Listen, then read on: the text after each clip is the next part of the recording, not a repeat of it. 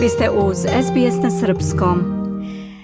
Slušate SBS na Srpskom, ostanite sa nama, ja sam Biljana Ristić. U nekoliko sljedećih minuta u razgovoru sa našom saradnicom iz oblasti politologije, dr. Nino Marković, dotaći ćemo se aktualnih političkih tema u Australiji. Nina, dobar dan. Dobar dan. Ti se upravo nalaziš, da kažemo našim slušalcima, na međunarodnoj konferenciji za komunističke i postkomunističke studije koju je organizovala istoimena asocijacija. Rat i mir i postpandemijski svet evroazijske perspektive, to je glavna tema. A ti si upravo završila svoje izlaganje, pa možda ne bi bilo loše da nam kažeš malo više i o samoj konferenciji i o svom izlaganju i značaju konferencije. Ovo je najznačajnija konferencija u ovom delu sveta za komunističke i postkomunističke studije. Dešava se svake dve godine i ovo je 16. po redu. Preko 70 e, ljudi će izlagati e, na ovoj ovogodišnjoj, da kažemo, konferenciji. Većina su iz Australije, sa Novog Zelanda, azijskih zemalja, iz Evrope, Evroazije i Severne Amerike. Teme su zaista raznolike. Šta političke nauke mogu da nauče od evroazijskih studija? Zatim svetski, svetski poredak, geopolitička bezbednost. Kina je veliki fokus e, ove konferencije, kineska politika i diplomatija. Zatim socijalizam u krizi, perspektive iz umetnosti i istorije umetnosti. Zatim Rusija, Ukrajina, Centralna Razija, Evropska unija, internet i društvene medije i politika i međunarodni odnosi u evroazijskom regionu. Ja ću izlagati nekoliko radova, a ove koje sam mm -hmm. upravo izložila e, ticao se e, spoljne politike Kine u centralnoj Evropi i iz e, jedne posebne perspektive. Zanimljivo je što se promenila u poslednjih par godina politika zemalja unutar centralne Evrope prema Kini time što su se okrenuli više ka e, Tajpeju i pitanje je zašto se to desilo. Ja sam izlagala o faktorima poput domaće politike, e, strukturalnih promena u međunarodnim odnosima i e, u regionalnim institucijama.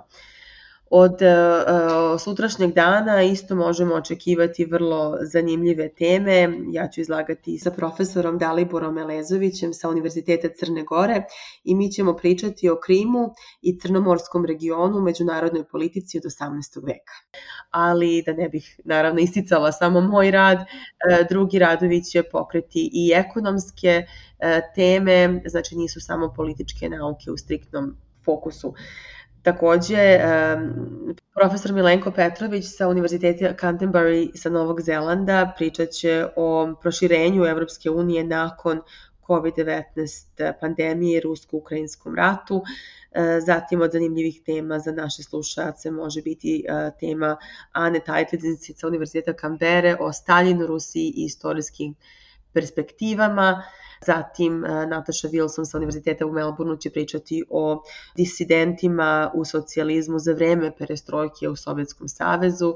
Tako da zaista imamo mnogo zanimljive teme, um, naravno za ovu konferenciju je potrebna registracija, ali i klimatske promene će biti u fokusu. Znači, da podsjetimo, možda slušalci ne znaju, ali svake godine se uh, održavaju ogromne svetske konferencije za postkomunističke studije uglavnom se nalaze u Severnoj Americi i u Evropi, međutim u ovom regionu, e, da kažemo Pacifičkog regiona, ovo je najveća konferencija i dešava se svake dve godine. Nina, da se okrenemo i drugim temama, a da krenemo od kontroverziji koje su se stvorile oko predstojećeg referenduma o glasu prve nacije pri parlamentu.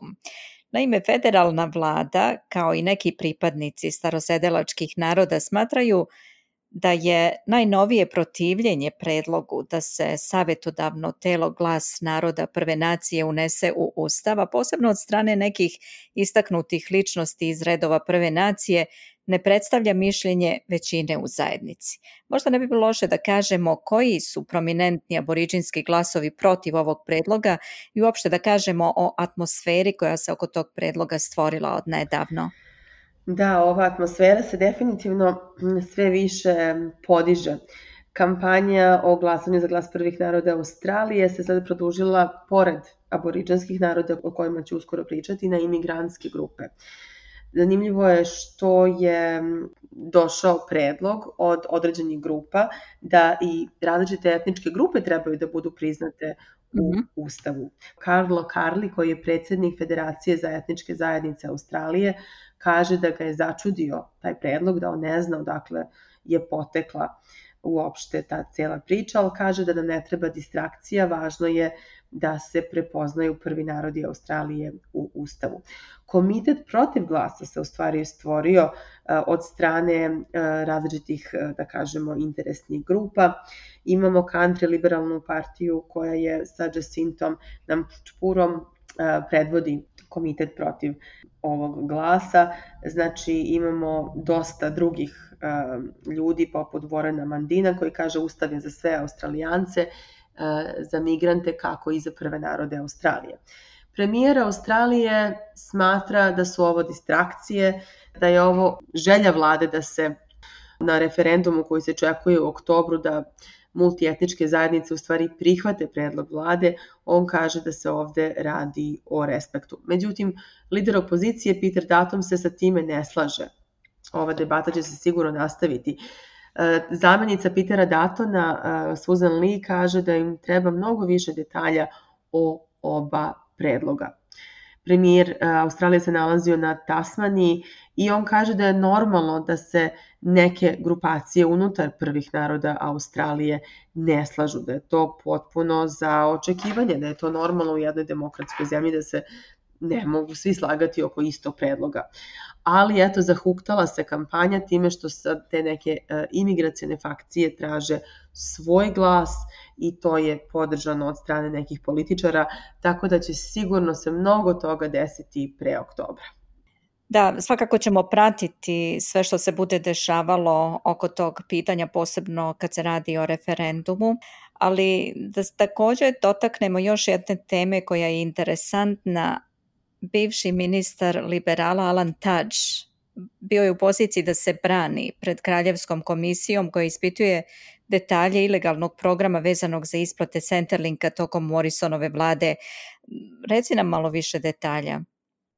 U okviru e, Kraljevske komisije i istrage o e, RoboDebt programu bivši liberalni ministar Alan Tudge e, kaže da se ne seća mnogih detalja koji su spomenuti za vreme istrage. Da podsjetimo, komisija je napravljena 2015. godine, a 2017. je tek došla pod veću lupu javnosti. Sada znamo da se 1,8 milijarde dolara da je isplaćeno ljudima koji su pogrešno, kojima su ispostavljeni računi, ali nažalost neki su izvršili samoubistvo.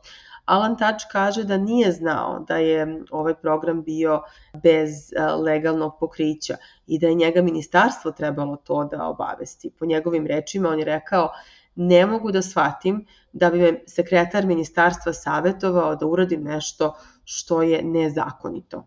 Zanimljivo je što je sledeći svedok e, ove kraljevske istražne komisije Christian Porter, tako da se očekuje da dobijemo više detalja o tome u javnom domenu za vreme njegovog saslušanja. Zna li se koliko će Kraljevska komisija da ispituje po ovom slučaju? Ne zna se koliko će potpuno trajati ova kraljevska komisija, ali verovatno zavisi od toga šta oni saznaju da u toku istraživanja mogu da odluče da krenu dalje u određenu temu, da istražuju više. I toliko za danas. Hvala Nina. Hvala, prijetno. Bila je to naša saradnica iz oblasti politologije, dr. Nina Marković. Slušate program na srpskom. Ja sam Biljana Ristić. Želite da čujete još priča poput ove? Slušajte nas na Apple Podcast, Google Podcast, Spotify ili odakle god slušate podcast.